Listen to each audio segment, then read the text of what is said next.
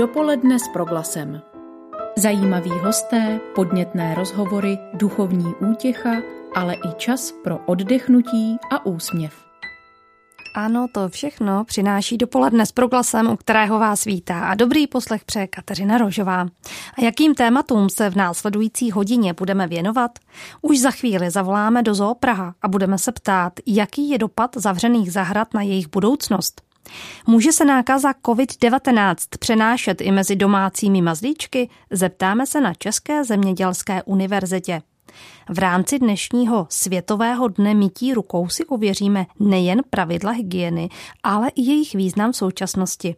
A na závěr uslyšíte duchovní povzbuzení Sandry Silné, husické farářky. Tak ať se vám dobře poslouchá. Dopoledne s proglasem. Od 9. října jsou opět zavřeny zoologické zahrady v celé České republice. O tom, jaký dopad na ně má tato v této sezóně již druhé dlouhodobé uzavření pro všechny návštěvníky, si teď budeme povídat s ředitelem Zoo Praha Miroslavem Bobkem, kterého vítám ve vysílání proglasu. Pane řediteli, dobrý den. Dobrý den, děkuji za pozvání.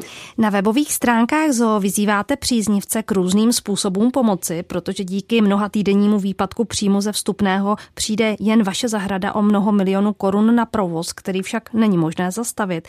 Tak nás zajímá, jestli se vám podařilo alespoň částečně tento velký propad zmírnit. Já bych především řekl, že jsme vděční našim návštěvníkům, příznivcům, zkrátka všem, kdo nám nabízejí pomoc za tu ochotu podat nám ruku a přispět k tomu, abychom to velmi obtížné období přestáli bez větších důsledků. Eh, lidé si adoptují naše zvířata, sponzorují je, kupují si vstupenky eh, na lepší časy, eh, nosí nám konec konců i krmivo pro zvířata, protože nám to nabídli, tak jsme otevřeli tu možnost nechat tu třeba žaludy, jablka, sušené pečivo a podobně takže, takže v tomto ohledu ta pomoc je pro nás opravdu velice také povzbuzující. Já současně musím ale říct, že v našem případě se k tomu postavil čelem i zřizovatel, tedy magistrát hlavního města Prahy a e, vypadá to, že bychom mohli také od něj dostat podporu, protože ten výpadek příjmu, o kterém jste mluvila, to není v řádu milionů korun u nás, ale desítek milionů korun. Eh, tak částečně vlastně děkujeme za ty dobré zprávy, které nám předáváte, když jste mluvil o adopci zvířat. Tak eh, můžete říct, které třeba nejexotičtější zvíře bylo nově adoptováno? Já nevím, které bylo adoptováno třeba před pěti minutami. Těch adopcí je opravdu hodně, ale ve své nové knížce, eh, která vyšla před pár týdny, tak píšu takový žebříček, která mm-hmm. zvířata jsou nejvíce adoptovaná a sponzorovaná a tam, eh, tam to jsou většinou takové ty menší, ale současně atraktivní druhy eh, a také potom šelmy, takže je tam třeba, co si vybavuji, eh, pardál, je tam, je tam, jsou tam surikaty a podobně. Hm, mimochodem, máte taky nějaké adoptované zvíře vy osobně? Ne, ne, ne. Já, já tady bych byl asi nespravedlivý k tomu, kdybych si nějaké vybral. Já sponzoruji zoologickou zahradu jinými způsoby, třeba právě výtěžkem z některých svých knih institu projekty a podobně. Některé své aktivity se snažíte zájemcům zprostředkovávat alespoň virtuálně, například na svém YouTube kanále nabízíte pravidelně exkluzivní záběry zvířat pořízené jak profesionálními kameramany, tak i jednotlivými ošetřovateli.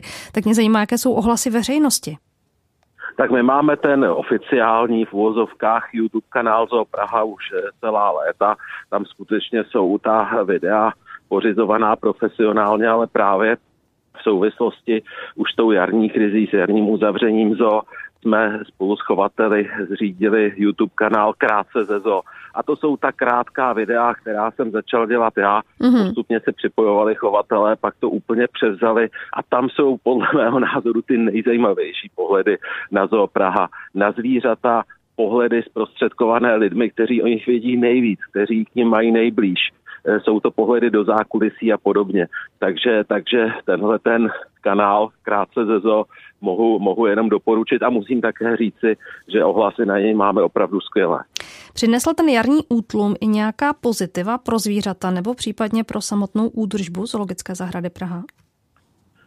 Tak my jsme na jaře, stejně jako nyní, tomu přistupovali velmi zodpovědně, takže jsme měli snahu eh, co nejvýrazněji snížit počet lidí v areálu, počet našich zaměstnanců v areálu, počet zaměstnanců firm, které tu pro nás pracují. Takže eh, sice jsme tady spoustu věcí eh, dělali, dokončovali, potom po tom jarním lockdownu zoologické zahrady jsme třeba otevřeli Darwinův kráter, to znamená expozici Tasmánie a Austrálie, ale zase, že by to byla doba, kterou bych hodnotil nějak pozitivně, to asi ne. Samozřejmě byl čas na některé věci typu přípravy vzdělávacích programů, nebo vznikl ten již zmiňovaný YouTube kanál, ale zkrátka tahle doba je těžká a těch pozitiv se eh, na ní mnoho najít nedá. Chystáte případně i nějaké novinky pro návštěvníky po znovu otevření? Tak po znovu otevření, kdy to je. Ano, to je, je to za deset dnů nebo za týden, je to na Vánoce, je to na jaře. Já v tuhle chvíli samozřejmě tady eh, se neustále něco děje, neustále něco budujeme. Těch největších projektů je to nový pavilon Goril, který teď je ve výstavbě, ale abych vám teď řekl, co bude za akci nebo za novinku ke znovu otevření, to po mně nechtějte, když vůbec nevíme, co nás ještě čeká. Miroslav Bobek, ředitel Pražské zoo, je nyní hostem ve vysílání Proglasu. Pane řediteli, v posledních pár letech bývala velmi suchá a horká léta, ne tak letos. Nicméně mají i tyto změny počasí či klimatu nějaké dopady na obyvatele vaší zoo. Zajímá mě, jestli těm tropickým to možná vyhovuje, ale co třeba takový lední medvědi, co jiné druhy ze severských oblastí?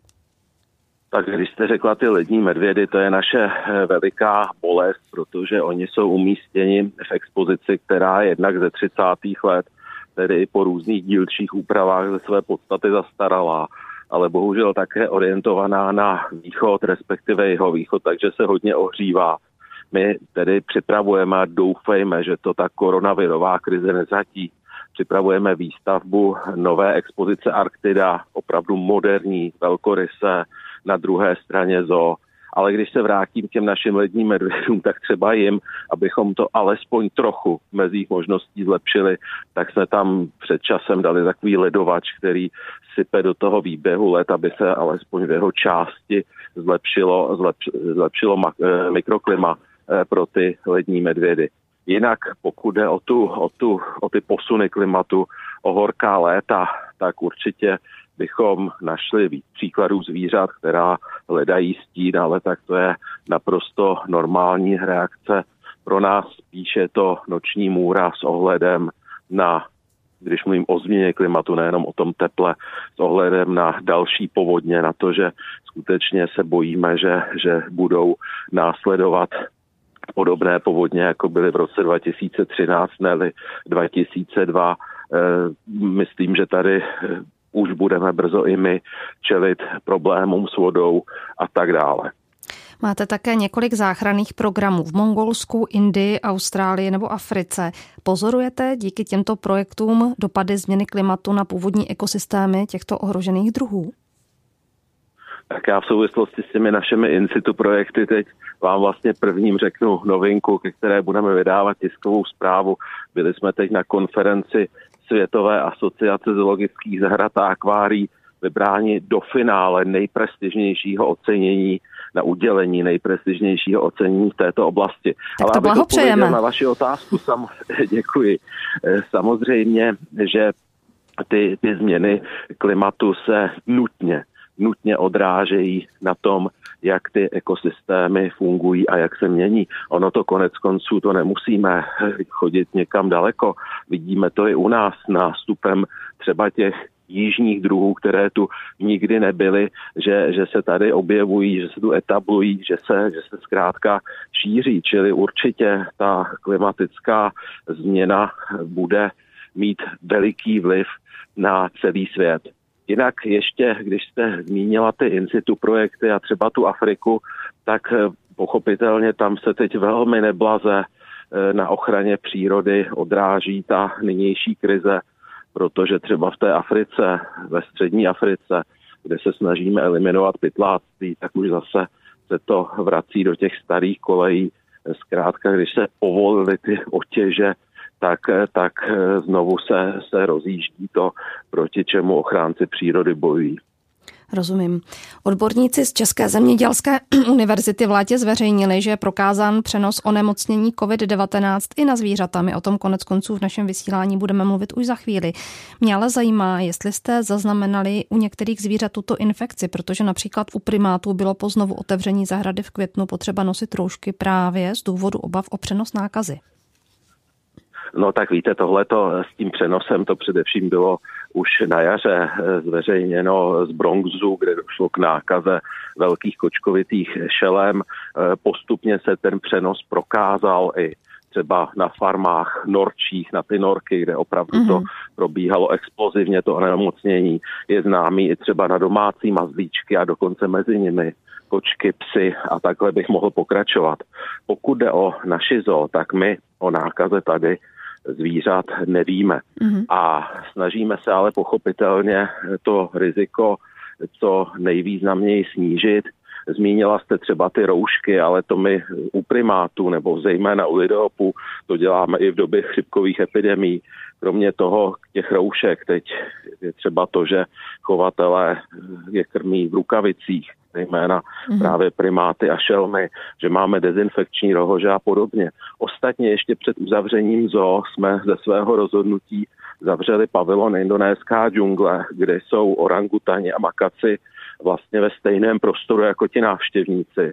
Takže raději jsme zavřeli a stejně tak jsme zavřeli expozici lemurů, která je sice venku, ale zase ti lemuři jsou v bezprostředním kontaktu s návštěvníky mm. ve mhm. velmi blízkém kontaktu. Mm. Jako prezident Unie českých a slovenských zoologických zahrad jste připomněl potřebu podpory i mnoha dalších zahrad v Česku.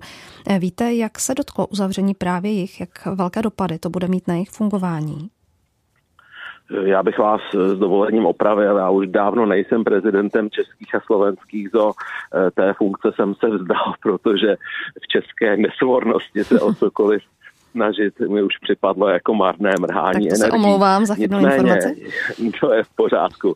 Nicméně upozornila jste, ano, snažím se říkat, aby byly podporovány i další zo. Pro některé to skutečně velmi obtížné. Jiné, které si prosadili to velmi rychlé otevření, tak jsou asi spokojeny, protože v létě ta návštěvnost zejména si mimo velká města byla vysoká, takže určitě v prostředí těch zoologických zahrad je potřeba škálovat. Pražská zoo patří k nejprestižnějším zoologickým zahradám světa. Která je pro vás inspirací? Je to řada samozřejmě evropských zoo, německých zejména, ale vždycky jsem měl hodně rád New Yorkskou Bronx Zoo která jednak má dlouhou historii, ta historie tam na vás opravdu dýchá, má moderní, skvělé expozice a vlastně celá je koncipována tak, že to je fundraising na ochranu ohrožených druhů. Čili ta pro mě byla, a možná stále ještě je, velikým vzorem, ale mám-li to vzít objektivně, tak úplně nejlepší zoo na světě je eh, zoo San Diego, která opravdu eh, je jednak rozlehlá, špičková, má ohromné, ohromné prostředky. A poslední věc, pane řediteli, vy sám stojíte ve vedení Pražské zoo už řadu let. Čeho si vy sám osobně nejvíc za tohleto období považujete? Co vás nejvíc těší?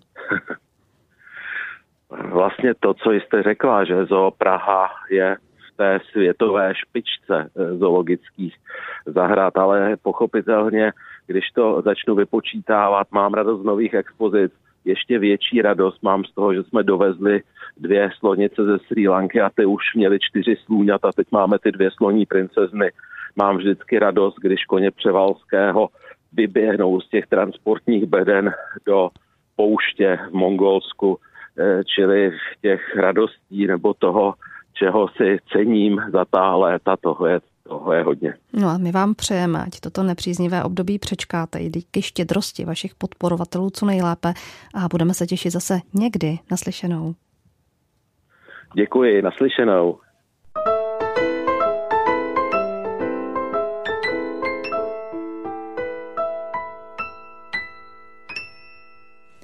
I když se v souvislosti s onemocněním COVID-19 hovoří zejména o nákaze a přenosu infekce z člověka na člověka, tak ani zvířecí říši koronavirus zcela neušetřil.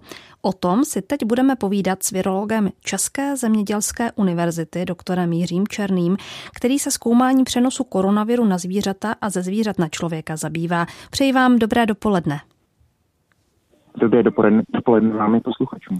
Pane doktore, řekněte nám, jaká zvířata se mohou virem SARS-CoV-2 infikovat? Tak už eh, před nějakou dobou zmiňoval pan ředitel Bobek, eh, tak eh, byly zaznamenány případy infekce u domácích mazlíčků, jako jsou psy a kočky. Byly zaznamenány případy u hospodářských, hlavně tedy kožešinových zvířat, jako jsou, jako jsou norkové. Byly tam zaznamenány potom několik dalších zvířat i v rámci přirozených infekcí, jako jsou fletky, jako jsou křečkové a podobně. V dřív, už dřív zmiňované tézo v Bronxu, tak v průběhu jara letošního roku zaznamenali infekci u lvů a u tigrů a potom byly experimentálně nakaženy nejrůznější druhy opic a dalších laboratorních zvířat. Musím se zeptat na ty domácí mazlíčky. Je možné je tedy nějak předem chránit? Jakou byste nám poradil, eh, jaký postup, abychom uchránili případné nákazy? Tak eh, vzhledem k tomu, že vlastně největší riziko eh, s nákazou je spojeno s nějakými zvýšenými eh, sociálními kontakty, tak u těch domácích mazlíčků je to riziko poměrně nízké z nakažení, jakoby nakažení cizím člověkem, mm. protože my ty domácí mazlíčky sebou nebereme do školy, nebereme je do obchodních center, nechodí s námi na koncerty, do hospod nebo tak většinou teda. Takže když by bylo nějaké riziko nakažení domácího mazlíčka, tak tady to bude v případě toho, že už jeho páníček sám je nakažený a on se ten domácí mazlíček může nakazit od toho svého páníčka. V případě, že vy sami tedy jste nakažený a máte doma psa, kočku, křečka nebo nějaké jiné zvíře, které se infikovat tak je samozřejmě dobré tady tohleto zvíře omezit pokud možno co nejméně s ním kontakty a pokud možno třeba přenést kontakty s ním nebo péči o něj na nějakého jiného člena domácnosti, který nakažený není. Nicméně nejsou žádný oficiální guideliny a předpisy toho, jak se má nakažený člověk chovat o svého uh-huh. domácího mazlíka. Jak mohu poznat, že moje zvíře je nakaženo? Případně existují třeba už nějaké testy, kdyby bylo možné, že si i já jako chovatel zvíře otestuji? Tak samozřejmě testování možné je. A vlastně fungují úplně stejné PCR testy, které se používají u lidí. V tomhle případě se dá dělat zase ten test na stěru z soholtanů, jako se to dělá běžně u lidí, a nebo, a to je u těch zvířat daleko lepší, tak se dá používat i vzorek stolice k tomu testování imunologické testy, takové ty testy, které zjišťují protilátky a které zjišťují to, jestli ten, toto zvíře bylo v minulosti infikováno virem, tak ty jsou poměrně náročnější a nejsou zatím moc dobře rozhodné, mm-hmm. protože se jedná o velké množství druhů zvířat. Rozumím. Vy pracujete na Zemědělské univerzitě. Já se tedy ještě konkrétně zeptám, jak je to třeba s možným nakažením hospodářských zvířat? Eh, tady, chvála Bohu, eh, se ukázalo, že ty nejdůležitější hospodářské zvířata, na kterých stojí vlastně naše eh, potravinářství, tak ty nejsou vůči tomuhle tomu viru permisivní, to znamená, že se nakazit nemůžou. Takže taková zvířata, jako je hovězí dobytek, prasata, slepice a podobně, tak ty se tímhle tím typem koronaviru nakazit nemůžou. To ale neznamená, že se nemůžou nakazit jinými druhy koronaviru a to potenciálně může být velký problém. Třeba v průběhu roku 2017-18 v Číně velká epizodická příhoda, kdy vlastně se nakazilo veliké množství prasat jiným typem koronaviru, ale blízce příbuzným a byly tam velké ekonomické ztráty, hodně prasat, muselo být utraceno a, a způsobilo to hodně problém. S virologem Jiřím Černým z České zemědělské univerzity si povídáme ve vysílání proglasu. V létě jste řekl, že poté, co se virus cirkulující mezi lidmi podaří téměř vymítit, může se přenos díky různým zvířatům, jež budou rez- představovat rezervoár viru, stát dominantním. Z epidemického hlediska tedy nyní není varianta přenosu ze zvířat důležitá, ale měli bychom na ní být asi do budoucna připraveni. Tak se ptám, kam jste se za těch několik měsíců zkoumání viru posunuli? Tak eh, my jsme testovali, a nejenom my, tedy i kolegové ze zahraničí, testovali vlastně schopnost mnoha různých živočišných druhů, jestli můžou být nakažení SARS koronavirem 2 a se dělalo jednak na základě počítačových simulací, kdy se zkoumalo, jestli se tady tenhle ten virus může navázat na receptor, který je nutný pro vlastně infekce buněk těchto těch, těch živočichů. Dělalo se to i experimentálně na tkáňových kulturách a v zahraničí tedy i na experimentálních zvířat. A nicméně z těch zvířat, která byla zatím otestována, tak v rámci té druhové rozmanitosti, té bohatosti vlastně množství života, které tady na Zemi je, tak bylo otestováno jenom velmi, velmi, velmi malé množství. A je tady ještě plno dalších druhů zvířat, které třeba potenciálně na základě těch počítačových simulací vychází, že by mohly být potenciálně infikovány a, infikovány a, a infekce u nich zatím pozorována nikdy nebyla. A tady bych zase navázal na pana ředitele, a je, může to být potenciálně třeba problém uh, hlavně u velkých primátů nebo velkých krtkovitých šelem, těch druhů zvířat, které jsou v přírodě a poměrně, a poměrně vzácné a poměrně ohrožené. A tady se může uh, nastat hlavně to, že uh, třeba v těch zoologických zahradách nebo v nějakých národních parcích uh, mohou být zvířata nakažena od návštěvníků a trošku potom mohou uh, také zdravotní komplikace a nedej bože i umrtí. Ano, to je prostě otázka, ke které jsem také já směřovala. Jestli podle vás je riziko a jak velké, že se nemoc začne šířit i mezi exotickými zvířaty chovanými v zajetí? Tak to riziko se tady dá velmi rozumně eliminovat.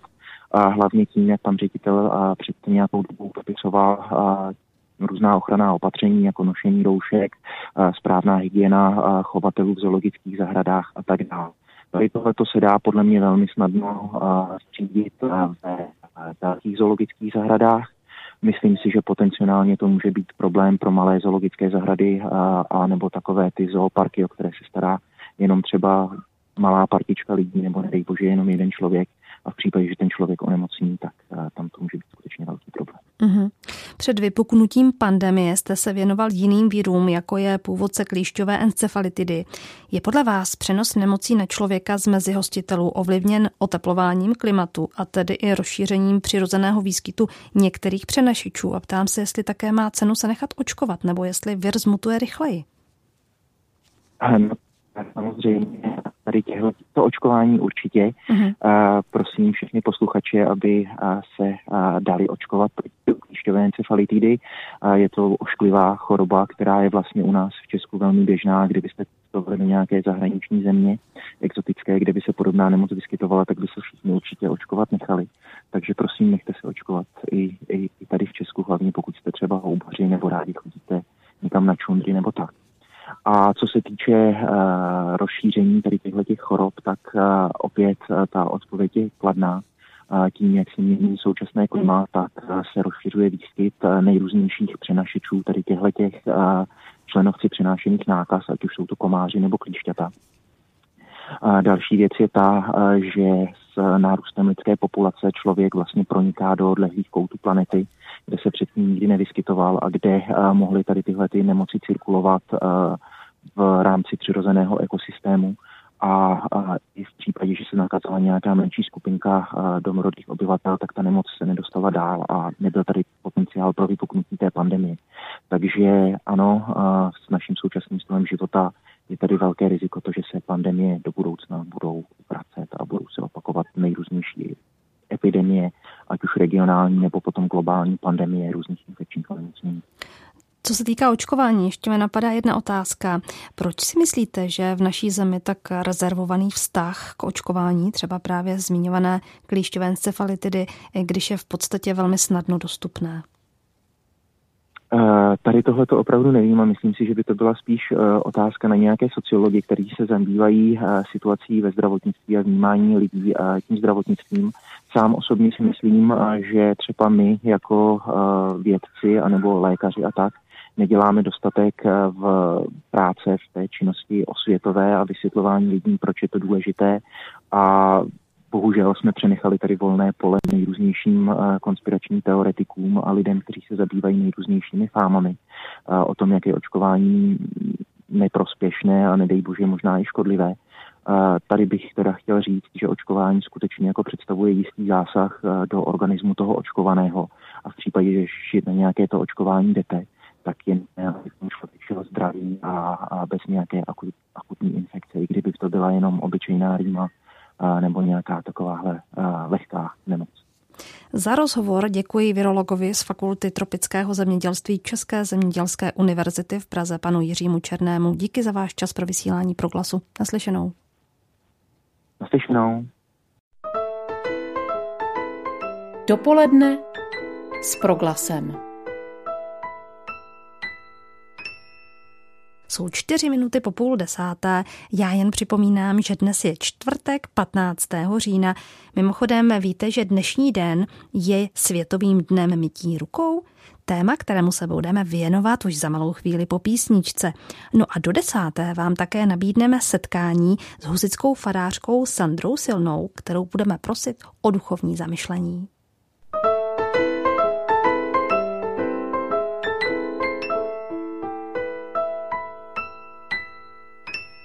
Dnešní den se v kalendáři připomíná jako Světový den mytí rukou. Více než v jiných letech letos dbáme na jeden ze základních prvků hygieny.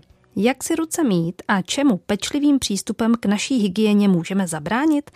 O tom budeme mluvit s dalším hostem po telefonu. Do Brna zdravím doktorku Bohdanu Reskovou z Ústavu ochrany a podpory zdraví a členku krizového štábu Masarykovy univerzity. Paní doktorko, dobrý den. Pěkné dopoledne. Tak první otázka je na snadě. Čemu všemu důsledným a především pečlivým mytím rukou předcházíme? tak jak jste už říkala, je to zejména o prevenci infekčních onemocnění, protože asi 80% infekcí přece přináší právě špinavýma rukama, takže ten důvod je e, jednoznačný, je to prevence infekčních onemocnění. Za jakých okolností si ruce musíme vždycky mít? Možná otázka, která se může zdát jednoduchá, ale jak sami vidíme, jsou situace, kdy nabývá mimořádně na důležitosti. Uh, ta doporučení jsou samozřejmě jiná pro, pro profese, kde, eh, kde je hygiena rukou zásadní, třeba v péči o, o pacienty ve zdravotnictví. A pro ten běžný život eh, je to určitě situace, eh, kterou známe, možná mnozí z nás i v dětství. Umí si ruce, bude oběd, bude jídlo a tak dále. Takže určitě před jídlem a samozřejmě po použití toalety. Ale jsou i situace, na které docela zapomínáme. Možná v posledních letech jsme zapomněli, že i když se vracíme zvenku nebo když cestujeme, by měli bychom právě použít uh, tuto metodu na umít si ruce, protože přicházíme k sobě do, do čistého prostředí a neměli bychom si ho takzvaně kontaminovat tím, co si, jak říká, odchytáme z toho venkovního prostředí. Takže to jsou asi takové nejdůležitější situace a samozřejmě kdykoliv cítíme, uh, že, že ty ruce jsou špinavé, že se necítíme dobře, tak ty ruce umít. No a pokud jsem třeba někde venku, výjdu z obchodu, rozhodnu se ještě projít po městě a tak podobně. Eh, doporučovala byste, pokud nemá možnost si umít ruce pod tekoucí vodou, třeba například nějakou desinfekci použít? Má to smysl? Určitě to smysl má, to je právě eh, asi ta výhoda právě těch dezinfekčních prostředků. Na ruce se používají alkoholové dezinfekční prostředky, eh, určitě je to právě ta situace, kdy nemáme k dispozici vodu a mídlo a mít to po ruce kdykoliv v kabelce, v kapsičce je určitě příjemný, protože právě když e, vycházíme z těch obchodů nebo když se někde setkáváme na nějakých veřejných prostranstvích, tak určitě ty ruce um, jsou v riziku, že jsou kontaminované více, než, než když se pohybujeme v nějakém uzavřeném prostředí, v pracovním prostředí a tak dále, kde, těch lidí se pohybuje mnohem méně. Takže ty, ta dezinfekce rukou určitě dobrá věc, eh, jenom je důležité eh, používat ji správně a používat ten správný prostředek, protože mnohé dezinfekce, možná si sami eh, můžou i posluchači načíst, jsou třeba jenom baktericidní, to znamená, že působí pouze na bakterie, ale ne na věry, které třeba v tom prostředí nás teďka hodně trápí. Tak jak tedy vybrat tu správnou dezinfekci na ruce? Já bych uh, se soustředila právě na to, co, co na, tom, uh, na tom návodu nebo uh, v tom té informaci od toho výrobce stojí. To znamená, že tam je napsané, že to je alkoholový dezinfekční prostředek a že je i určen k likvidaci, likvidaci věru. Aby tam nebylo pouze napsané, že je tedy baktericidní, protože tyto, tyto dezinfekční prostředky mají nižší koncentraci alkoholu a nejsou tak účinné právě na ty věry. Paní doktorko, stačí si v dětství udělat špatný návyk a už se s námi někdy táhne po celý život. Proto se vás teď zeptám, jak se tedy správně mít ruce, kolik času mítí rukou věnovat? Je to, je to neuvěřitelné, ale v mytí rukou, aspoň podle Světové zdravotnické organizace, by se mělo věnovat až 40 sekund.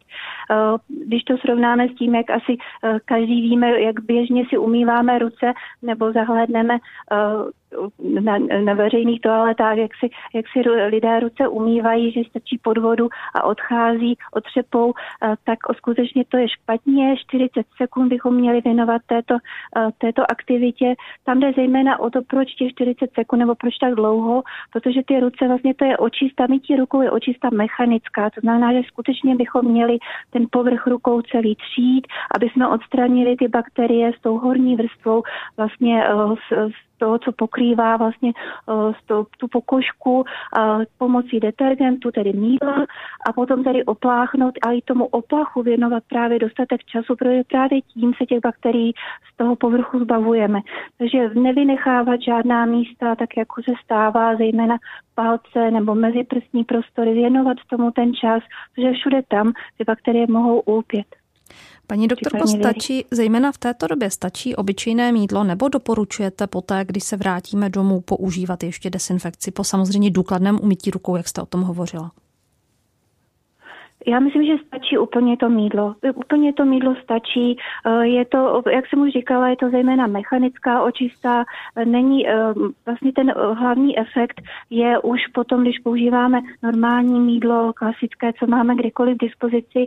A pokud použijeme i to, i to nějaké antibakteriální, tak je to něco navíc, ale nemá to zásadní efekt potom v té prevenci toho přenosu infekcí, protože zejména nám jde o to mechanicky se zbavit těch bakterií z toho povrchu uh, rukou. Takže může to být něco navíc, ale není to nutné a nemá to takový zásadní vliv. Za rady a tipy děkujeme doktorce Bohdaně Reskové z Ústavu ochrany a podpory zdraví člence krizového štábu Masarykovy univerzity v Brně. Díky za váš čas pro proglas a někdy příště. Naslyšenou. Naslyšenou. Dopoledne s proglasem. O duchovní povzbuzení dnes voláme do Brna, kde by nás měla slyšet Sandra Silná, farářka církve Československé husické, která působí ve sboru na Botanické ulici. Vítejte v našem dopolední. Dobrý den. Dobrý den. Tak jsem říkala už, že působíte jako farářka, ale zároveň máte dvě děti. Syn Václav se narodil letos v únoru. Kromě toho máte také ještě staršího syna Hermana. Věřím, že být matkou a farářkou zároveň je těžké. A teď do toho přišla ještě doba koronaviru. Takže logická otázka, jak to všechno zvládáte? Eh, no, je, je to zajímavý úkol zase, protože už jsem to vlastně jednou zažila na jaře, těsně když se narodil Václav, tak Herman zůstal doma jako prvňáček ze školy a teď zrovna momentálně, když si telefonujeme, tak Václav mi tady spí v šátku na, na prsou, na bříše a Heřman se ve vedlejším pokoji učí a za chviličku vlastně za 10 minut mu začíná online výuka. Takže je to pořád takový eh, přebíhání, kontrolování času a, a prostě snaha skloubit eh, všechny ty věci a nezapomenout na nic hlavně. Vy jste hodně zaměřená ven z církve, zkrátka se snažíte o kontakty s lidmi, kteří Boha nějak hledají. Co myslíte, může jim současná situace něco přinést? Eh, no, tak eh, já si myslím, že v současné situaci pro spoustu lidí je vůbec eh, otázka spíš jako přežití nebo nějak stabilizace, že jo, příjmů, vůbec rodinný situace a tak jestli, jestli prostě při tomhle všem ještě zbývá lidem, kteří hledají nějaká, nějaký prostor prostě ptát se potom, kde v tom všem je Bůh. Já většinou mám spíš takovou osobní zkušenost, že když se lidem, kteří jsou, nejsou úplně ukotvení ve víře, a děje se jim nějaká situace, kdy je to nutí měnit třeba životní styl, nebo prostě se jim děje něco, co oni sami vnímají jako příkoří, nebo prostě nějakou jako zátěž, stres, tak eh, často to dopadá tak, že spíš eh, nejdřív, jako kdyby ta frustrace je směřovaná právě třeba, řekněme, na, na Boha, nebo prostě tam, kde, kde člověk jako hledá nějakou, nějakou tu sílu. Takže nevím, jestli úplně takhle primárně člověk jako kdyby dokáže tu situaci uchopit, prostě začít hledat Boha prostě třeba v nějaké, v nějaké tíživé Eh, situaci okamžitě, že většinou mám tu zkušenost, že nejdřív přichází třeba právě ta frustrace, člověk to potřebuje nějak odžít, odstoupit od toho trošku, uchopit to eh, a pak teprve může, může nastoupit jakoby ta pozitivní cesta toho, toho skutečného otevření se a hledání ale hm, možná se mnou posluchači nebudou souhlasit, mají to třeba jinak. Eh, já vycházím ze zkušenosti třeba, jak to, jak to vnímám i tady, i tady třeba kolem sebe. Dá se nějak zobecnit, jaká jsou ta hlavní témata, se kterými se na vás jako na farářku lidé obracejí? Uh, tak většinou jsou to, jsou to vztahy. Uh, vůbec otázka toho, jestli třeba zůstávat ve vztahu, který uh, mi tak úplně nevyhovuje nebo prostě se v něm nenacházím. Pak je to otázka vůbec hledání uh, sebe sama, nějaké prostě sebe uh, důvěry, nalezení toho svého místa ve světě, otázka toho, že třeba chci dělat něco, k čemu mě táhne srdce, k čemu mě táhne duše a ten tlak okolí vlastně je proti tomu, nebo, nebo prostě člověk neví, jestli má naplňovat eh, ty představy okolí, eh, když třeba jdou i proti tomu, co člověk vnitřně cítí a kam ho, kam ho ta duše táhne. Takže tohle, tohle jsou asi takový hlavní témata. A pak je to samozřejmě eh, téma tedy skutečně jako hledání Boha nebo přicházení k víře třeba i v dospělosti a překonávání i určitých bariér v tom smyslu, že je opravdu na, na lidech vidět, že jsme, nebo že, vyrů, že vyrůstáme nebo žijeme ve společnosti, která je odtržená od toho duchovního života a jsou lidi, kteří se na mě obrací a oni se snaží jako kdyby překročit tu, tu bariéru, kterou možná pro ně představuje nesrozumitelný jazyk církve, prostě poměrně někdy složitý liturgický život nebo pro lidi zvenku složitý, tak, tak lidi, kteří vlastně tohle chtějí překročit a vlastně najít si cestu k Bohu, tak i takový se na mě obracejí a s nimi teda pracuju.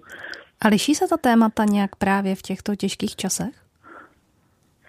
Uh, no, teď je to tak, že samozřejmě mezi lidmi je nejistota. Je vlastně nejistota stran budoucnosti, stran toho, jestli zvládneme uživit ještě rodinu, jestli nepřijdeme o práci, nebo se na mě už obrátili i lidi, kteří přišli o práci a vlastně teda hledají, co dál. Eh, já si myslím, že to teprve i přijde, že ještě prostě teď jsme, teď jsme pořád ještě v tom procesu a, a nejsme zdaleka jakoby za tou krizí.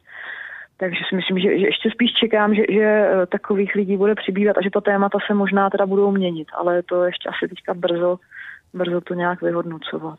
Já jsem už na začátku říkala, že vám dnes voláme proto, abychom zaznamenali a slyšeli duchovní povzbuzení. A tak se ptám, máte tedy pro nás jako farářka církve Československé husické, jako maminka, jako obyvatelka tohoto světa, jaké povzbuzení do těchto těžkých dnů, který každý z nás prožívá pochopitelně ve svém okolí, ve své rodině a se svými těžkostmi? Podívejte, je to něco, nad čím sama přemýšlím, protože i já to povzbuzení potřebuju, snažím se si ho najít. A nacházím nakonec ho v tom, že se snažím, aby ten můj den měl určitý hrát, abych měla pevné body, něco, co mě potěší. Takže jestli, jestli můžu tedy předat nějaké povzbuzení, tak je to v tom, ať se snažíme hledat si věci, které nás nějakým způsobem každého těší a povzbuzují a drží nad vodou a těch věcí se pokud možno držíme protože ono docela asi platí, že zachováš-li řád, tak řád zachová tebe. Eh, já se i snažím každý večer myslet na to a připomenout si, za co ten den můžu poděkovat. Eh, takže to povzbuzení může být snad i v tom, aby člověk eh, opravdu i na tyhle věci pamatoval, byť možná ta celková situace teď vypadá dost beznadějně a bolavě a spoustu lidí prožívá strach, tak eh, i v tomhle se snažit eh, uvědomovat si ty jednotlivosti, které tvoří eh, ten můj den a, a vidět prostě kolem sebe a třeba být za něco drobného, tak si v tom klidu, který by se každý asi mohl zkusit vytvořit, tak prostě prožít, prožít chvíli, chvíli vděku. Byť by to mělo být jenom za to, že prostě jsem tady a teď a můžu se nadechnout a vydechnout a vidět. Třeba teďka zrovna tady v Brně je krásně modrá obloha, svítí slunce, tak prostě i takovéhle malé jednotlivosti, možná je teď potřeba se jich prostě držet a z nich čerpat. Tak my vám moc děkujeme za povzbudivá slova a utíkejte k dětem. Buďte zdravá. Naschledanou. Děkuji vám, vy taky. Naschledanou, naslyšenou. To byla závěrečná slova farářky církve Československé husické Sandry Silné. Dnešní vysílání připravili Ráchel Veselá, Marcela Kopecká a Hanna Svanovská. I za ně vám klidný den přeje od mikrofonu Kateřina Rožová. Dopoledne s proglasem. Každý všední den mezi devátou a desátou jsme v tom s vámi už 25 let.